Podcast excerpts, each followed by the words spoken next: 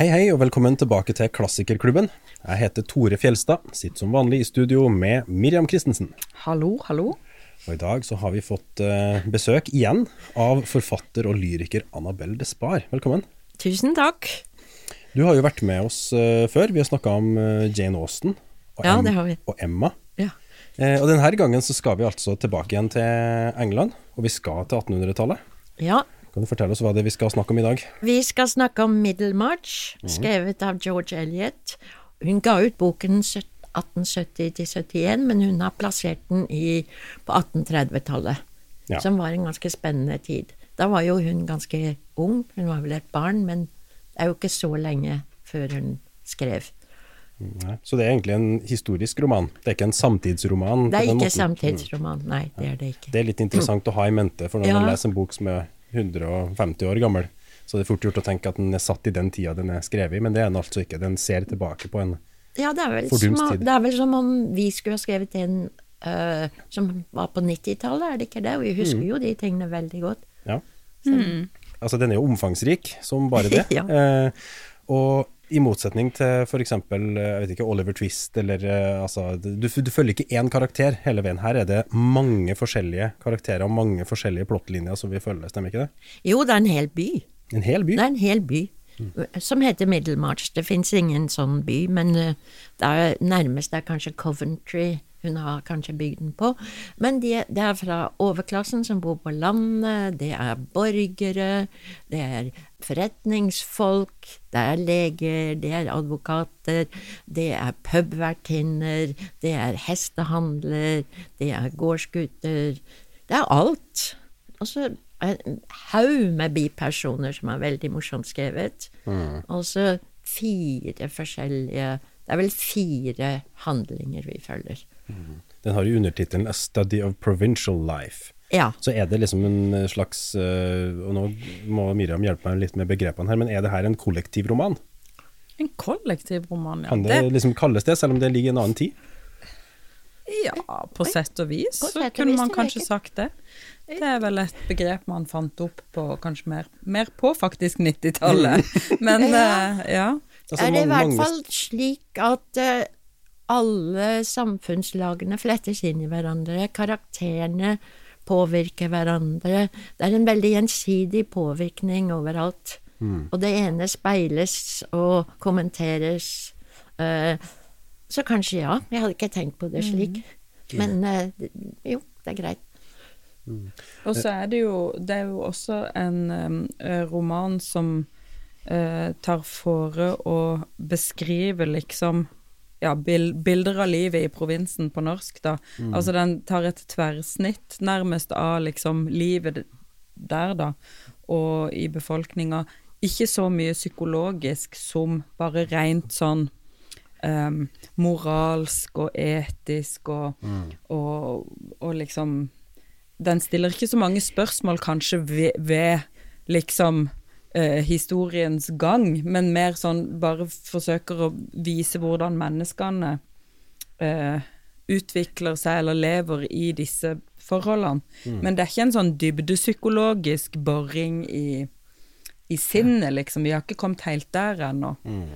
Ja, jeg vet ikke, jeg. Jeg syns når hun beskriver den ulykkelige Casabon, og hvordan han har fordypet seg i et stort prosjekt som han ikke finner ut av, eh, hvor skuffet han blir i ekteskapet, hvor skuffet Dorothea, hans kone blir i ekteskapet Det er sant. der syns jeg hun borer veldig Og så gjør hun det med medfølelse. Det er jo det. Altså, vi syns jo han tørrpinnen Cassibon er jo helt håpløs, men hun har medlidenhet, hun har medfølelse med ham.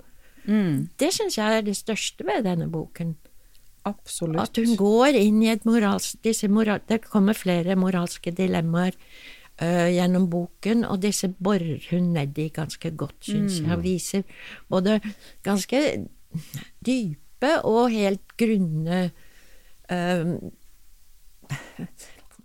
Altså, hun viser hvordan folk uh, berettiger for seg selv hvorfor de har gjort Ja. noe. Mm. Hvordan de forklarer justification. Ja, det vil jeg si er et nøkkelord. Ja. Som vi, uten at du dømmer dem eller setter dem i dårlig lys eller sånn, du lar dem stå på en måte på egne er premisser. Ja, hun, hun gjør det. Hun setter dem i et dårlig lys, for det lar hun de andre karakterene i boken gjøre. Ja. Så de alle blir jo kommentert. Ja. Skal jeg fortelle litt om hvem disse personene Du, jeg er? tror vi Hva må- dere? Ja. Jeg tror vi må ta en litt sånn omriss av plottet, hvis det er mulig, da. Ja, det er fire plott, egentlig. Det er den vakre, rike Dorthea som har veldig høye idealer. Hun er nærmest brennende religiøs og vet ikke hva hun skal gjøre med livet sitt. Og så faller hun for en tørrpinn av en prest som heter Mr. Casabon, som hun sier har en stor sjel og et stort sinn. Eh, Men han blir jo kommentert av de andre som at han har en sjel som en sånn belg med noen tørre erter i. og, så, sier søsteren sin, hvordan kan du tenke meg, ham, hvorfor må vi sitte og høre på han spise suppe? Han skraper jo skjeen. Du kan da ikke snakke sånn om han. Så det er det ene plottet, det er ekteskapet som um, viser seg å bli mer og mer ulykkelig. Selv om hun er utrettelig lojal. Hun bor på landet, de er rike, de er landadel, det er et sånt lavere landadel, egentlig. County, som det heter på engelsk.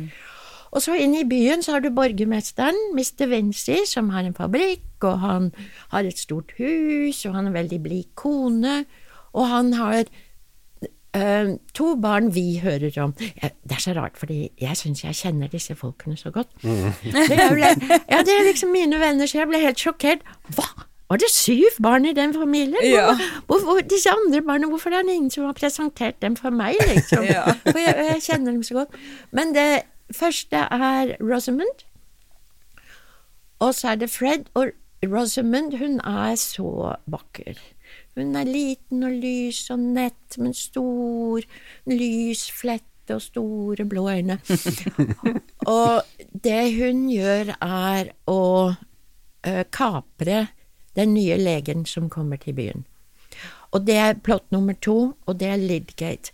Og han har også svære tanker om hva han skal gjøre med livet sitt. Han skal jobbe på sykehuset, gratis naturligvis, for han er jo en herre. Han skal uh, forberede byen på at det kan komme koleraepidemi. Han skal ha med febersykdommer. Og så har han et digert forskningsprosjekt som er forbausende lik forskningsprosjektet til Mr. Casabon. Mr. Mr. Casabon, vi sier mister selv om han er prest, han ville se en sammenheng mellom alle mytologier. Han skriver på et verk som heter Key to all mythologies. Det vil si, han har ikke begynt å skrive ennå, for han har bare masse små notater som må sorteres. Um, men det, det, det er sånn veldig omfattende, digert livsverk. Og Lidgate, han vil også egentlig ned og forstå cellene og hvordan organismen i mennesket henger sammen. Så det er jo like stort, nærmest et teologisk prosjekt, det òg. Men så blir han øh, betatt av Rosamund, og det er en ulykke, for hun tenker bare på å forbedre seg sosialt, og tenker på ting. Og hun har en god hjerne, men den er konsentrert om sånn om tepper og gardiner og møbler, og hvor pen kjolene um, Så han, han Det går veldig galt for ham. Men det er som en slags gresk tragedie med Lidgate, fordi han har en brist. Han er så Han er så uvøren. Han ser ikke hvordan andre folk reagerer, og han skjønner ikke at han kan bo i en by og gjøre de tingene han vil uten å støte andre folk. Så han er veldig taktløs. Og det var de to, men uh, Ja. jeg snakker liksom fordype meg i de. Og så er det Fred Vincy, Vinci, da. Ja, som jo Fred. Ja. Annabelle blir, er liksom litt glad i Fred, kan jeg høre nå? Ja, det er jeg. For det, det Han blir jo tilgitt for alt han gjør. Han dummer seg ut, og han vil ha Altså, det foreldrene har gjort som var veldig dumt, var å sende ham på universitetet, hvor han fikk litt for fine venner. Litt for rike venner. Så han har fått sånne litt dårlige vaner. Han vil ha god hest og sånn. Han har spillegjeld. Spillegjeld, ja. Og det er det flere i boken som Ja, det dette er de veldig sårbare for. Særlig der ute på landet, får en en følelse av. For det er kanskje ikke så mye spenning der. Nei. Sånn at da oppsøker man liksom den spenninga. Det er liksom eh, tidens eh, bingo, på en ja. måte. Nei, det, ja, det er eh, han Men han elsker en pike som heter Mary Garth, og hun er tydeligvis en heltinne. Mm. Hun er ikke pen. Og det, da er man en heltinne. Ja, for stakkars George Elliot eller Mary Ann Evans, hun var jo ikke pen. De, de, de bruk... Etter datidens eh, standard, liksom. Ja, jeg lurer på hva vi hadde sagt. Det var vel ikke faren som, sa, som kom frem til at hun var så lite pen at hun hadde ikke noe håp om å bli godt gifta bort. Ja. Så Ikke sant? da fikk hun utdannelse til gjengjeld, og det, det gikk Det jo er greit liksom sånn sett. for et lotteri her i verden, hæ? Ja. Ja, hun kunne i hvert fall få det, da. Men Mary Garth hun har jo en eh, posisjon hos Fred, for de har kjent hverandre siden de var barn, og egentlig vært forelska siden de var bitte små. Ja. De, gif, de hadde bryllup med noen sånne ringer de fikk fra en paraply. Mm, som barn. Ja, ja, ja. Og, og det er det beste. Og, og det er vel de personene det, De eneste personene som det går veldig godt med i denne boken. Det er nærliggende å tro at hun kanskje er modellert på forfatteren. Altså det, de, de linjene er kanskje litt skumle trekk, men ut fra de Litt. beskrivelsene I hvert fall er nok hennes far modellert på faren til Mary Ann Evans, mm. som var en Altså, det gjelder å arbeide på en ordentlig og ærlig måte. Og ha greie på det du gjør, og ikke inngå kompromisser, men bare stå på. Business kalte han det, men det var med taksering, det var med å sette opp gode gjerder, det var med å taksere tømmer, det var å selge tømmer og sørge for at folk hadde det bra, egentlig. Så det var, en, det var ikke noe filantropi hos Caleb Gath, det var, eh, det var eh, hardt arbeid å, å, å bruke øynene Mm. Og fornuften og fornuften.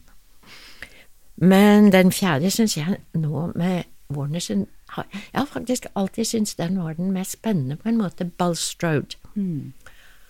Han er onkel til Rosamund og Fred. Uh, han er flyttet til byen og giftet seg med deres tante. Han er beskrevet som ubeskrivelig ekkel. Eh, han er lavkirkelig og from og veldig rik, og han gir ikke fra seg en skilling uten en moralsk preken, eller uten å sette det i sammenheng med Vår Herres vilje. Så ehm, Og han er blek og Men han har jo en fortid som avdekkes, og på visse punkt er dette som en thriller på en måte, og særlig mot slutten. Jeg, jeg har så lyst til å lese et sitat som jeg alltid har kunnet, men jeg aner ikke hvor hun skrev det, eller hvor, men det er Our deeds still travel with us from afar, and what we have been makes us what we are. Det er elegant på engelsk, men på norsk noe sånt som Våre gjerninger reiser med oss fra det fjerne, og det vi var, gjør oss til det vi er. Slik at du kan ikke slippe unna noe i fortiden. Du, du må um, Dine handlinger Det nytter ikke å dysse dem ned, det nytter ikke å bortforklare. Du har et moralsk ansvar for alt du gjør. Så det er jo, som du sier, det er en moralsk bok mer enn noe annet, egentlig.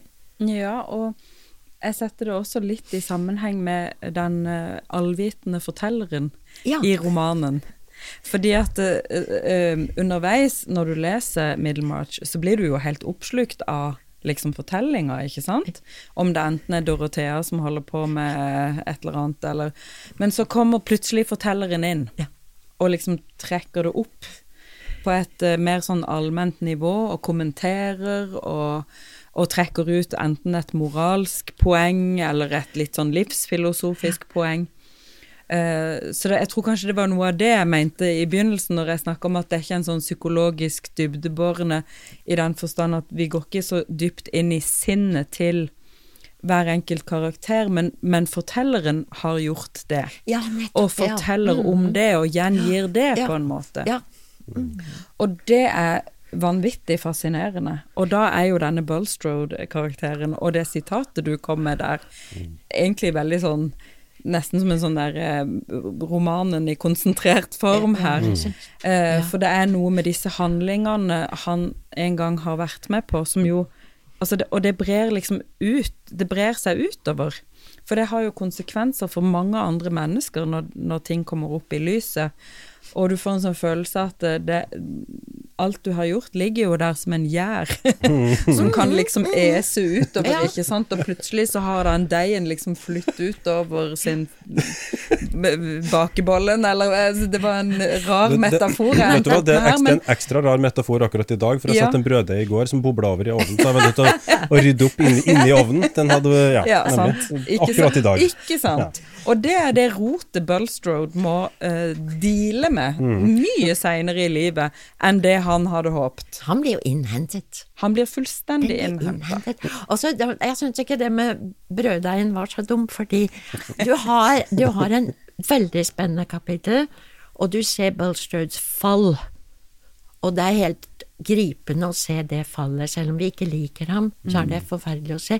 Men så flyttes vi rett over i en av disse pubene, og da tror jeg brøddeigmetaforen hadde vært på sin plass med, for da sier de, der går han, han ser ut som gamle-Erik sjøl, han som går der, og ja, han, jeg visste jo alltid det var noe skummelt med han, så er han jo ikke fra byen engang, han er jo ikke herfra. Det, er så nedrig, den. Og, og, ja, og så er hun så god til å beskrive disse folkene. Jeg tenkte litt på Kristiansand mens jeg satt og leste Yes! Jeg gjorde A òg det. study of a provincial life. Yes. Livet i Ja, provinsen. Det, er sånn, eh, det forandrer seg aldri, ikke sant. Du kan, tiden går, men uh, livet i provinsen, det er som George Elliot har beskrevet det. Ja. Ja. Nå har um, eh, Virginia Woolf, Ja. som vi liker veldig godt i klassikerklubben, ja. hun har jo uttalt om Middelmars at den er, sitat, One of the few English novels written for grown-up people. Ja, Ja, det vidunderlig? Ja, det er helt vidunderlig. Men, men hva legger jeg i det? Hva er det som gjør at den her er liksom en roman for voksne? Er det liksom refleksjons... eh, Det at du må reflektere mer? At du, Du ikke får det lett ja. presentert? Ja, det tenker jeg i veldig stor grad. At uh, du må også kanskje ha levd i noen år for å virkelig sette pris også på noen av de eh, refleksjonene Unnskyld. Elliot gjør seg, ikke sant? Jo, du må det. Også de religiøse diskusjonene. Det er veldig interessant for Mr. Det, dette så jeg for første gang nå. Mr. Cassabon som var sånn prest av høy mm, Ganske høytstående prest, egentlig. Han er ikke interessert i Gud. Nei. Han er ikke interessert i Gud. Og Dorthea hun er jo brennende religiøs. Hun vil jo gjøre noe for Guds skyld, og for, for Gud og for menneskeheten. Men han vil bare liksom hevde seg over noen andre akademikere. Det er det han vil. Så det er så smålig. Mens Balstrode bruker Gud til å rettferdiggjøre. Han liksom sier ja. I was but a poor vessel used by the Lord, eller noe sånt. Noe for higher goods, for higher things. Altså det religiøse motivene her er jo veldig varierende. Og, og det var det kanskje også i det religiøse livet i England på denne tida. At det var litt sånn fragmentert, kanskje. Og at disse ulike retningene sto veldig sånn imot hverandre. Ja, jeg tror det, jeg tror ja, det. for Bulstrode blir jo en veldig Han blir jo veldig sånn ja, Han er innflytter, og han er jo fra disse her eh, Er, de metodi, er han metodist, Noe eller et eller annet ja. sånt? Um, Han er lavkirkelig. de er skeptiske til det, ikke sant, Ja. i Middlemarch. Så han er liksom på sida, da. Og fremdeles er jo sosieteten i England uh, høykirkelig. Mm. Og um, det er ingen der som, som går på bedehuset.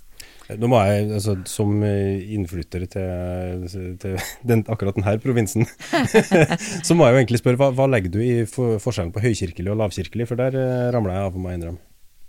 Ja, det er jo den statlige religionen, og så er det denne her eh, religionsutøvelsen som vokser og gror av seg sjøl under der. Som er sånn bedehus og andre typer Ja, sånn frikirketype ja. og sånn. Ja. Mm. Lekmannsbevegelse også. Ja. Mens eh, den, altså Church of England, den anglikanske kirken, den beveger seg på visse plan veldig nær katolisismen. Mm.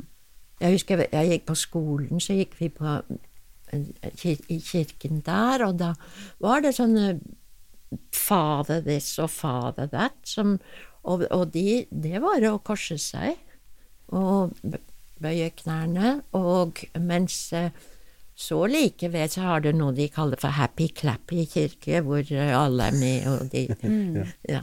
Det er samme kirke, men, men lavkirkelig er de ikke. Og George Eliot eller Marianne Evans har jo også et sånt religiøst brudd i sitt eget liv. Ja. Sånn at uh, det ligger jo der under, tenker jeg da, uh, hos sitt eget personlige forhold til kirka og det religiøse. Hun slutta jo på et tidspunkt, så tok hun liksom avstand uh, fra den religionen hun var vokst opp med, og jeg går ikke i kirka lenger med familien min på søndager. Så slutta hun med det. Eh, og så oversatte hun også Spinoza til, eh, fra tysk til engelsk. Ja, det gjorde hun. Eh, og Spinoza er jo en Hva skal vi si da? Ekskom... Hva heter det når man blir utstøtt fra sitt Ekskommunisert, eller Ja, jeg vet ikke om det går an å bli fra jødedommen, men Ja. hvis det gikk an, så ble han det. Ja, ja, ja, Eh, fordi han jo mm, sa at Gud fins i alt, og sånne ting som det. Um, så det er jo også noe veldig sånn uh, kjettersk, kanskje, da, over uh, uh, George Eliot sitt eget liv, ikke sant. Hun også levde jo i et ekteskap med en mann som heter George Louis. George Henry Lewis, ja. Ja, som ikke var et uh, eh, eh, juridisk ekteskap, men et uh, ekteskap av Det var et samliv Altså, de forsørget jo Louises kone, som levde med en annen mann, og hadde barn med en annen mann. Så de hadde et åpent ekteskap, egentlig, da. Selv om Ja. Nei, det kan ikke si det, kanskje, men, de, men det var et alternativt Ja, jeg tenker på at da. George- han Louis og Ja. hans kone Nei, de hadde jo gått som- ifra hverandre, men kunne ikke formelt bli Ja, ikke sant, skilt. så de var fortsatt Og så gift. ble men- han sammen med George Elliot, eller Marianne Evans, da. Mm. Men de kunne jo ikke gifte seg siden han allerede var gift, og han kunne ikke bli skilt. Så dermed så måtte de bare da lage sitt eget ekteskap. Ja. Og det omtalte hverandre som mann og kone. hvis Ja. Ja, til de grader. Ja. Og, og det, det fikk jo Altså for alle som kjente dem, så var det ikke så ille, bortsett fra hennes far og bror. Men hun eh, opphøyet jo dette veldig, dette ekteskapet det var. Og de hadde et veldig godt eh, intellektuelt samvær også. Men, men eh, hun ble da en stund ikke akseptert i sosieteten. Han ble, han kunne gå i alle mulige som forsamlinger hvor som helst. Han, han spratt rundt. Liten, rar mann. Han spratt Jo, men han var jo. Han var visst like stygg som hun var, sier, sa de. De elsker folk, elsker å kommentere. Men han spratt rundt, og hun satt da hjemme og skrev. Men hun var jo samtidig så høyt respektert av folk. Mm. Hun, had, fikk en, hun var en, nesten som en erkebiskop. på en Ja, altså, jeg har lest et sted at hun, had, hun tok imot uh, liksom en sånn Det var nærmest som en sånn audiens. Ja. At du kunne komme til George Eliot på søndager klokka da og da, Ja. og så tok hun imot, liksom.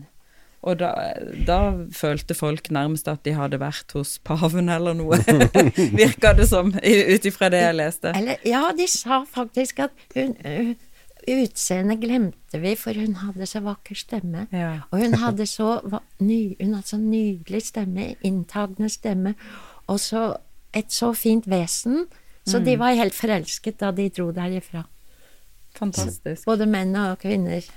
Og man blir jo også veldig forelska i Middlemarch. Altså, og i nettopp det som jeg forestiller meg da, at folk har Altså, å snakke med henne, hvis det er som å lese denne romanen, Ja. så er det fullt av visdom og eh, klokskap og litt sånn evnen til å se igjennom mennesker og menneskeskjebner. Da. Og ha et, og hun er sånn, denne allvitende fortelleren, det må jo være veldig identisk med forfatteren sjøl. Det tror jeg. Og humoren. Den, den, den, ser du når du leser den på nytt. Og mm. Det er noen fraseringer der, og noen personskildringer, og bitte små detaljer som hun legger mm. merke til.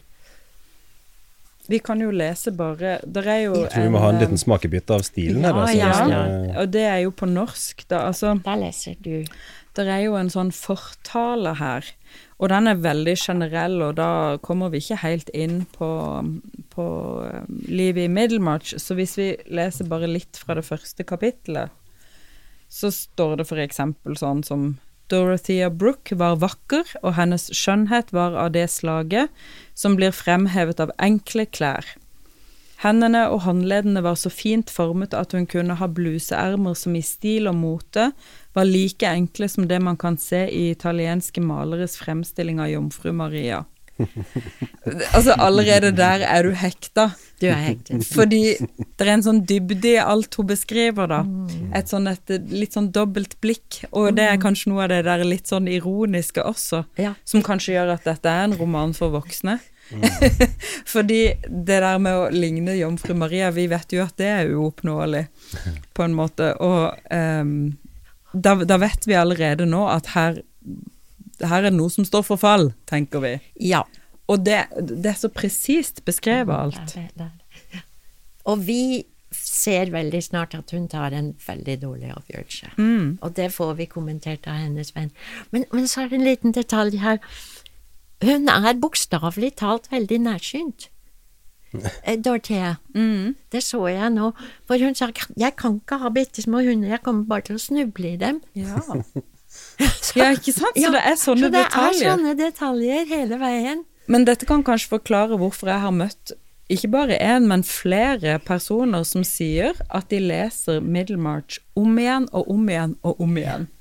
Så hver gang vi har tatt opp liksom, skal vi lese Middlemarch i denne klassikerklubben, så, så det, dukker det opp sånne folk som De har nærmest et sånn eh, eh, forhold til Middlemarch som eh, noen har til Bibelen, eller til Shakespeare, eller til jeg vet ikke, en til Montaigne. Ja. som er sånn Man leser det om igjen og om igjen om igjen fordi det er så rikt. Og så man vil stadig finne noe nytt og ja, Jeg var 16 da jeg leste den første gang, og jeg ble helt bergtatt, og jeg var Dorthea. Jeg var den mm. som hadde så enorme evner og ville så mye, og liksom satt litt fast der jeg var i en litt kjedelig by jeg, jeg ville svære ting. Mm. Men jeg var, visst, jeg var jo ikke så flink som henne, og absolutt ikke så god. Men det var, det var sånn. Og nå, nå er jeg mer bolstred. Eller i hvert fall Jeg er mer opptatt av livsverk. Men nå, mm. nå, er jeg jo såpass gammel at jeg ser tilbake på livet, og så ser jeg at det er jo ingen gamle mennesker i denne boken.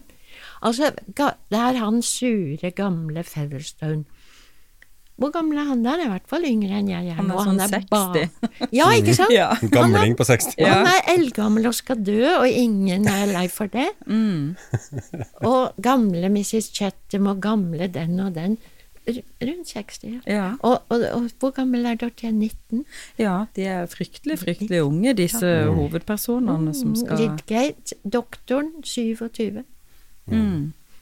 Og så leser man midt når man er kommet inn i ekteskapet. og mm. det, det, passer til ethvert tidspunkt i livet, mm. syns jeg. Mm. En roman som kan følge deg gjennom livet, det er jo ikke så verst. Ja, ja absolutt. Og jeg hadde mm. veldig glede av å lese den på nytt nå, mm. før dette. Mm. Og så tror jeg jo det er veldig mange som eh, Altså, leserkretsen vil kanskje sammenfalle litt med eh, Jane Austen-leserne. Men jeg tenker det er mange som ikke har oppdaga George Eliot, da. For det, Jane Austen er veldig der ute, og iallfall i vår mm. tid nå så har jo den litteraturen blitt henta veldig opp, eh, og gjenutgitt og kommer på både norsk og engelsk i nye utgaver og filmer og men Hvorfor er det ikke en kjempestor ny Middelmarch-film på gang, liksom? Jeg sitter og venter jeg, jeg på det den, nå. Jeg syns den fra 80-tallet var så fin. Mm. Jeg synes den er helt Men du, din oversettelse, når er den fra? Er det Mona Lykke? Ja. Akkurat. Og den er gitt Fem. ut i sånn bokklubbutgave på 90-tallet. På 95 90-tallet. ja. Mm. For, for det er veldig interessant. Um, For hun føler at eh, det er så mange som vil frastøtes av denne boken fordi den er så eh, stor um, og alvorlig. Da den kom ut, så kom han vel ut i en sånn serieformat, sånn som så mye litteratur på 1800-tallet gjorde, i føljetong. Altså både Dickens og Dostojevskij og Elliot da, og flere sånne veldig store, tjukke romaner vet vi jo er kanskje nettopp litt store og tjukke fordi de ble skrevet i episoder og publisert i avis eh, eller tidsskrift. Og Det ble små sånne booklets. Ja. så, uh, Dickens hadde masse reklamer i sine. Ikke sant? Det var veldig rart. Genialt. Jeg vet ikke hvordan disse så ut, for jeg har ikke sett Og da hadde folk, folk snakket om det, alle snakket om denne boken, og da var meningen at det eneste som er fornuftig nå, er at Dorthea gifter seg med Lidgate. Og det hadde jo vært strålende, Ja. syns jeg i hvert fall, men, men det ble jo ikke sånn. De gifter seg med feil personer. Ja, da blir det jo Det hadde jo ikke blitt noe bok, ikke sant? Det hadde ikke blitt den boka hvis de hadde Nei. gjort det riktige. Nei. Sant? Det er jo ikke det, Vi liker jo ikke å lese om det som altså, lykkelig for alltid. Altså, det, det er ikke så spennende. Og så er flere enige om at det er en litt merkelig figur, han som Dorthea faller for. Hvis Jeg vet ikke, det er ikke det sterkeste personen i boken, syns jeg. Will Will Ladislav. Ladislaw, ja, Ja. Slav, eller Ja. Mm. Mann med, mann med det eksotiske navnet og litt, eh, Ja, Ja. litt sånn fremmed krydder. krydder. ja, italiensk dansemester eller noe sånt kalte jo overklassen han, eller ja, noe muffens som er han, for, Ja. men jeg kan ikke komme hit til byen med det navnet. Og han har jo også en grumset familiebakgrunn som han stakkars ikke visste noe om. Eh, Og så er det masse om penger i denne boken. Ja. Penger, penger, penger. Penger. Det syns jeg går igjen i nesten alle de her klassiske engelske romanene. Altså det, med en gang man omtaler en mulig ektemann eller en sånn et kommende svigersønn, så er det alltid hvor mange pund han har i året. Det er liksom Det- det, følger sånn Det er automatisk. jo liksom uh, Penger, det er jo knytta til sosial status og klasse og, og det du skal og bør og må. Og så har du kjærligheten, er jo en motsetning til det. Det, er liksom sjelden det sammenfaller at han du faller for, og som du har den store kjærligheten med, også tilfeldigvis passende er veldig Jo, hos Åsen er det jo det, men Ja. ikke etterpå, da. Da Kanskje- er det jo det det, som blir at, litt ulykkelig, kanskje. Jeg tenker, I og med at du nevnte Åsen, altså det er kanskje litt derfor Åsen er lettere å på en måte spre. Altså det, det er enklere historie. Det er enklere enklere ja. og det er, gru- det er litt grunnere personer på en måte også. Ja, men det, ja, litt mer sånn happy ever after hvis man kan det, ikke sant. Og, Altså, hun går ikke inn i Mr. Collins' sinn. Han, han forblir dum og ja. hele veien gjennom. Så det er nok derfor Middlemarch er en mm, roman for voksne, ifølge Virginia Woolf. Ja. Fordi eh, karakterene er veldig komplekse, og du blir aldri helt sånn fortjust i bare én sånn helt uten. Det er alltid noe ved de som, Det er er, jo gærent som, som er det veldig menneskelige, da. Det er Hvorfor sa jeg det med forkjust? Ja. Fordi du så for deg en film Altså, man, man blir Svensk, kan, svensk Du blir aldri helt uh, bare kun forelska i én person i eh, Middlemarch heller, fordi det, de er så komplekse. Det er noe ved alle. Det er alltid en hake ved, ved noen. De har alltid, det er alltid noe ved personligheten som man ikke kan elske 100 Men, de, men de er jo ikke idealisert. De er Det ikke idealisert. Fullstendige personer. Det er kanskje derfor Virginia Woolf liker dem så godt. Når du leser To the Lighthouse, og hun går liksom fra det ene hodet og det ene til det andre, og du ser de indre karakterene. Det er jo feil i alle sammen, på en måte. Ja, og det, det er også sånn her at selv om du får et uh, lykkelig ekteskap, så er det jo ikke 100% lykkelig. Og når det er et ulykkelig ekteskap, så er det ikke 100% ulykkelig. Så det er på en måte ikke en sånn Du vil aldri komme dit uansett. Og det tenker jeg kanskje er George Elliot sin dyrekjøpte erfaring sjøl, da, fra sitt eget liv, ikke sant, hvor hun hun har jo da et, øh, et ekteskap som ikke er et ekteskap, sant? Som jo ville vært det mest øh, ideal Men at hun gifter seg på nytt, har vi sagt noe om det da? ja, helt på slutten av oh, ja, livet. Med han Ja. der veldig Ja. unge mannen.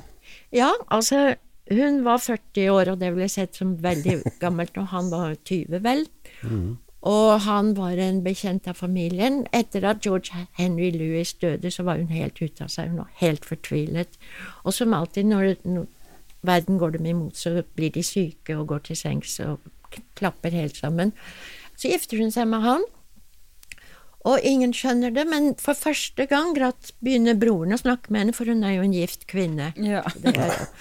Men eh, så reiser de på en sånn bryllupsreise rundt i Europa. Og så når de kommer til Venezia og bor i et palazzo, så hopper han ned i kanalen. Ja. Det er jo veldig rart. Det er litt rart. Det er veldig rart. Det er veldig, Og veldig det spekuleres i om det var noe selvmordsforsøk, eller var det, var det ikke snakk om det? Ja, det var veldig Litt rart på bryllupsreisa å prøve å ta selvmord. Altså det er Veldig, uvanlig. veldig rart. Men det var veldig varmt, sa han. Og så tror jeg hun var veldig opptatt av kunst som ikke han var så interessert i. Og så var hun veldig dyrket. Hun var jo dyrket. Eh, hun var jo blitt et ikon. Det ble hun tidlig. Mm. Så dette er rart. Ja. Og, og sånn litt antiklimaks som jeg syns litt jeg syns litt slutten av boken er litt antiklimaks. Ja. Det er ikke sånn Dorothea akkurat står med barnegrøt på blusen, men, men Det har hun ikke helt. Men hun får et lykkelig liv med denne Will Ladislaw. Og Fred og Mary er jo helt idylliske der de sitter um, med hvitt hår på slutten av boken. Um, nei, jeg vet ikke hva jeg skal si. Det er jo underveis var... som er leseopplevelsen. Ja, Ja. ja, det er tidligere bøkene. Men du har tatt med deg en bok. Den. Fordi det er jo ingen tvil om at Middlemarch har hatt en stor posisjon i mange menneskers liv, og det finnes også litteratur om det. Ja. For du har tatt med en bok som heter The Road to Middlemarch, My Life with George Eliot. ja, den er skrevet av en som heter Rebecca Mead, som eh, blant annet er journalist i The New Yorker. Og det er akkurat sånn bok jeg gjerne skulle ha skrevet selv. Den er kjempelærd, men det, det virker ikke lærd i det hele tatt. Men du ser etterpå hvor mange bøker hun har lest. Hun er ikke akademiker her, hun er bare åpenhjertig for, fortjust Ja. i Middlemarch og i George Eliot, i hennes liv og i, og i boken. Så hun følger boken litt parallelt med George Elliots liv, og, og med det egne livet hun har. Mm. Og jeg syns det er så elegant gjort, og det er skrevet med en sånn glød og begeistring. For jeg, jeg, jeg har jo ikke studert Middlemarch, jeg bare leser. Mm. Og hun har både gjort begge deler, egentlig. Hun har reist til de stedene hvor George Eliot bodde. Nei, sånn, sånn, sånn bok er veldig fin, syns jeg. Mm. Det er sikkert skrevet mye tull også der. Jeg, jeg har en der hjemme. Hva heter den? Love in Middlemarch, eller noe sånt. Og der er det spekulasjoner som Ja. ikke er så elegante. Ja. Vi kan iallfall fastslå at George Eliot har en eh, solid posisjon i den britiske litteraturhistorien, men at kanskje ikke hun har fått en Eller hun har kanskje ikke en like fremtredende posisjon for oss akkurat her og nå, Nei, det er men, men burde ha det. Ja.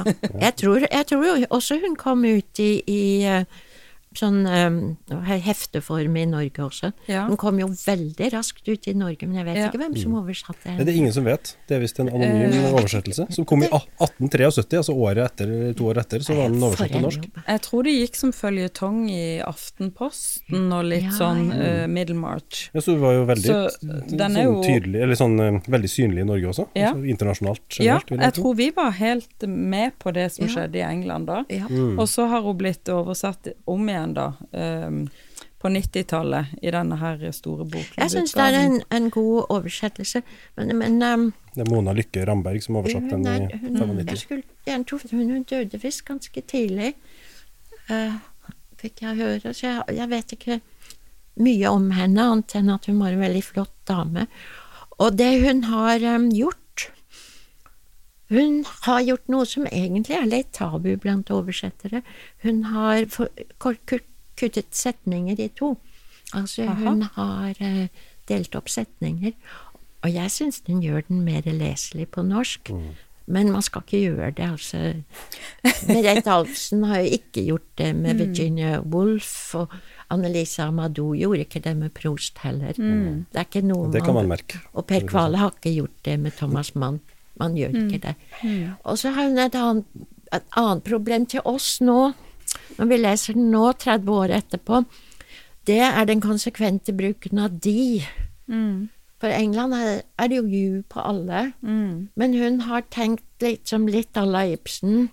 I den tiden ville de menneskene med det sosiale rangen de hadde, de ville ha sagt de til hverandre og ikke vært dus.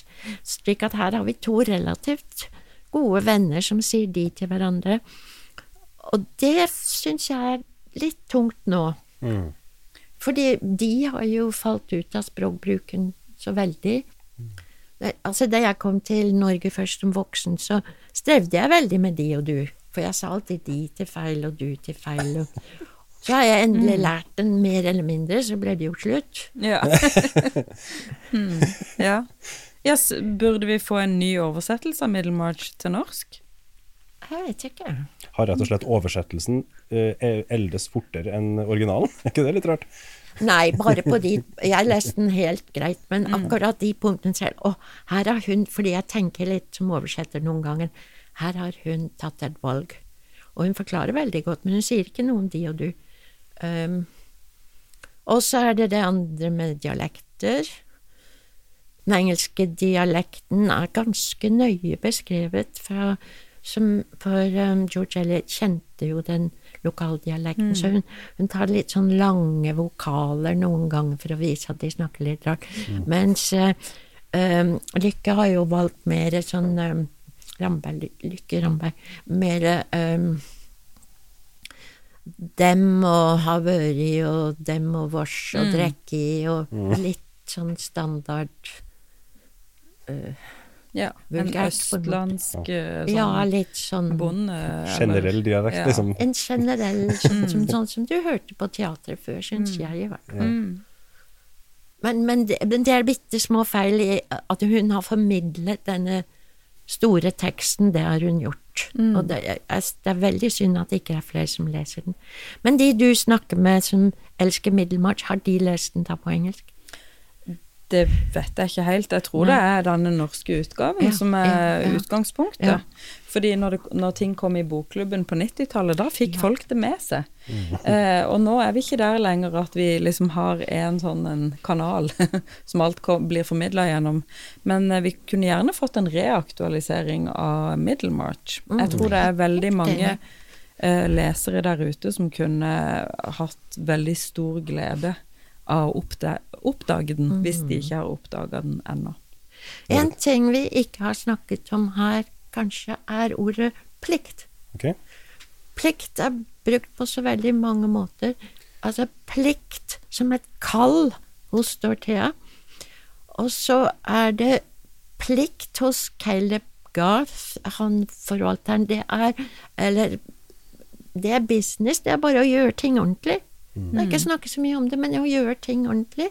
Og passe på at ikke ting blir gjort på en dårlig måte. Og så har du Balstrode, som bruker ordet plikt om eh, noe slags eh, guddommelig forsyn som han mener rettferdiggjør hans egne dunkle ugjerninger. Og så er det ekteskapelige plikter, sånn som Rosamund gjør akkurat det som er korrekt.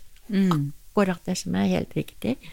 Aldri heve stemmen, men ikke støtte mannen sin på noen måte. Mm. Så, så det tenkte jeg litt på.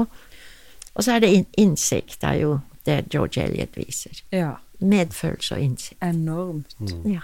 Og jeg tror eh, i stad når, vi begynte å snakke om eh, Middlemarch og Annabelle begynte å liksom legge ut disse fire eh, narrative linjene vi følger, eller plottene, da, eh, så satt jeg bare og tenkte på at ja, han eh, Mr. Cas Casabon, Casas, ja. Casabon ja. Um, Den måten hun beskriver det livsverket hans eh, på, hvordan han skal sitte og skrive denne her eh, eh, føre alle mytologier i verden sammen og vise hvordan alt henger sammen. Og så kommer han, og så reiser de til Roma på bryllupsreise, og så møter de Ladislå. Og så kommer han bare med et sånt lite sånn eh, Han eller en venn av han, jeg husker ikke hvem det er som sier men, men dette har jo allerede blitt gjort på tysk. og, da, ikke sant? og det er bare en sånn hull sånn, Du stikker nål på ballongen. Altså det er bare en sånn Hele hans livsverk liksom bare raser totalt sammen, egentlig, der og da. Og det nekter han fullstendig å ta inn over seg, for han leser jo ikke tysk. Så han kan ikke forholde seg til de der tyskerne som allerede har skrevet om alt det som han nå eh, tar seg for å være en foregangsfigur på. Og det tror jeg kanskje må være noe av det mest eh, sånn Det gjør så sinnssykt inntrykk på meg da som leser, når dette går opp for denne litt uspiselige skikkelsen også. Og det syns jeg George Elliot gjør så sinnssykt bra. At hun klarer å få meg til å synes at han er både uspiselig, men jeg syns jo også den For en vanvittig sånn personlig tragedie å ha brukt hele sitt liv på dette, og så bare raser det litt sammen som et korthus. Men den som blir såret, av Johans kone. Dorothy. Ja. Hun blir jo så såret. Ja, for hun forstår jo dette umiddelbart. Sant? Hun forstår jo at alt det hun har på en måte drømt om og forestilt seg, det er bare Det er liksom papir. Det er luft. Det er Det fins ikke egentlig, sant? Og hun har trodd på noe som ikke er helt ekte. Altså, det er Å, ja. Det er så bra. Du må lese den en gang til. Da. Ja, ja. Jeg kommer nok til å bare alltid ha denne romanen liggende der. Og, og så kan man også bare bla opp i den, tror jeg. Eh, faktisk, selv om jeg nå har eh, lest i sånn kronologisk, så tror jeg du kan sette deg ned, og så kan du åpne, og så vil du finne sånne passasjer hvor George Elliot utlegger et eller annet eh, tema, da. Og sitat eh, Hun er så sitatvennlig. Du kan bare sitte og skrive ned, og jeg er sikker på det fins en sånn egen utgivelse med sitater av George Eliot. Uh, Ja, det ble gjort mens hun levde. ikke sant? Til og med det. Wow. Ja, av en Fantastisk. beundrer. Hun hatet det. ja. Og han Ja. Men hun bruker jo også sitater sjøl, da. For hvert eneste kapittel i romanen er innleda med et sitat. Som hun har ofte skrevet selv. Ja. Skrevet selv, eller, eller henta fra litteraturhistorien. Det er jo en ting som jeg fant ut da jeg gjorde researchen her, at hun holdt en sånn eh, notisbok med sitater fra forskjellige poeter, historikere, kritikere, filosofer, skuespillforfattere. På åtte språk har hun sitater samla med. Ja. Og det tenker jeg, der, der har du beviset på en lærd dame som uh, har mye å komme med, altså. Ja. Så det er fantastisk at hun, skrevet, at hun valgte å skrive romaner. For da får vi tilgang på den kunnskapen, eller den livsinnsikten, da, i romans form, som jo er den gøyeste og beste måten å få livserfaring, livsinnsikt, livskunnskap Sa romanforfatteren. Ja. Ja. Og all, ja. ja. ja. Og allikevel kan hun skrive sånne ting som Rosamund hadde på seg en kjole som kunne fått en sydame til å få sterke følelser. Fantastisk. Hun skrev, eh, altså George Eliot sjøl skrev i eh, 1869, om det er dagbok eller brev, det har ikke jeg funnet ut da. Men hun skriver i det hun har begynt å skrive på det som skulle bli Middelmarch, at hun har begynt på en historie on a subject I've considered ever since I began to write fiction. Så det er en historie hun må ha båret med seg ganske lenge, eller en setting muligens da, Ja, ja, ja. eh, som hun har skrevet frem at hele, det er jo på en måte hennes livsverk, egentlig, denne boka. Ja, og så finner den sted i en brytningstid, rett før denne reformloven eh, for valg eh, Den har vi jo ikke snakka om i det hele tatt. Hva, vi trenger ikke å snakke mye om det, men hva, hva slags reform er det, det, snakk er om? jo, det er jo mye politikk her. Det er politikk og penger, økonomi, sosial klasse, samfunnsliv.